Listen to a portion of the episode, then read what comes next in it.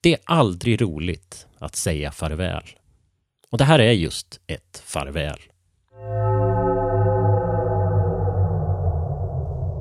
Det har hänt något här på min kanal sedan i julas. Jag har lyckats samla ihop ett helt gäng lyssnare och följare. Det är jätteroligt verkligen.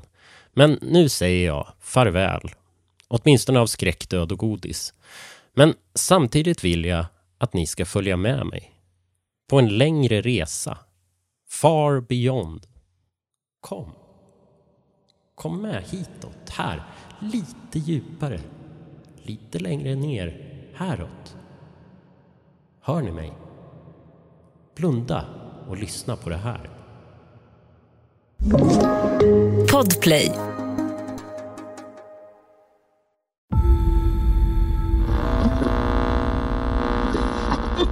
I nästan alla kulturer och religioner så har det funnits någon form av odöd varelse.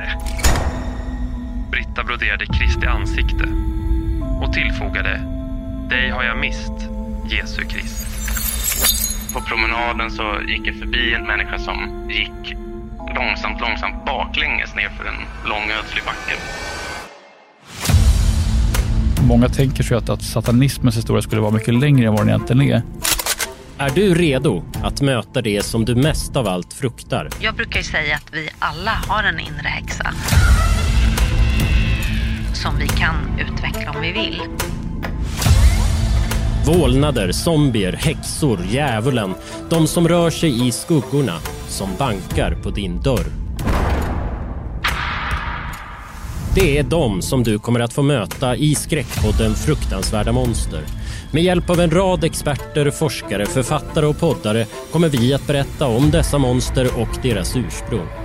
Hör bland andra Jack Werner, Ingela Korsell och Hasse Aro djupdyka i myterna, legenderna och skräcken. Lyssna på Fruktansvärda monster på Podplay. Podplay, en del av i våras började jag och min kollega Viktor jobba på ett poddprojekt som heter Fruktansvärda monster. Det är en poddserie där vi undersöker olika monsters ursprung. I Fruktansvärda monster kommer vi att berätta om några av skräckfiktionens vanligaste teman och antagonister. Zombierna, häxorna, vålnaderna och så vidare. Vilka är de och var kommer idéerna om dem ifrån? Vad fyller de för funktion i vårt samhälle och hur mycket sanning ligger det bakom alla historier om dem?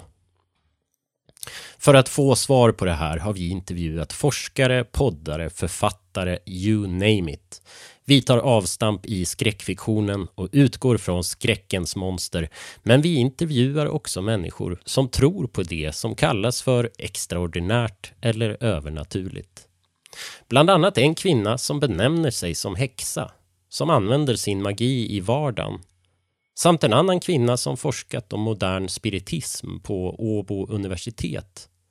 Hon har sagt att hon började intressera sig för ämnet för att hon var med om så mycket övernaturligt och oförklarligt som barn. I varje avsnitt läser Viktor Meidal, min kollega, in en creepypasta eller berättelse som sätter oss i stämning och som handlar om avsnittets ämne. Sen gräver vi oss djupare en del teman, namn och röster kommer ni som har lyssnat på Skräckdöd och godis att känna igen. Som historikern Per Faxnell till exempel. Eller författaren Anders Fager. Eller varför inte Jack Werner eller Lars Willfors från Vargtimmen. Sen hör ni Ingela Korsell, Madeleine Bäck, virologen Björn Olsen, Hasse Aro med flera. Ja, ni hör ju. Fruktansvärda monster har premiär på Podplay den 12 juli och kommer att finnas tillgänglig på alla plattformar där poddar finns. Värt att nämna är dock att vi till varje avsnitt släpper en del extra material på Podplay. Så det är klokt att fixa ett gratis medlemskap där. Jag har gjort nästan all musik till podden också. Så fick jag det sagt. Det här är alltså ett farväl av skräckdöd och godis och ett hej till fruktansvärda monster. Följ oss gärna på Instagram under fruktansvarda understreck monster. Hej så länge och tack för att ni har lyssnat.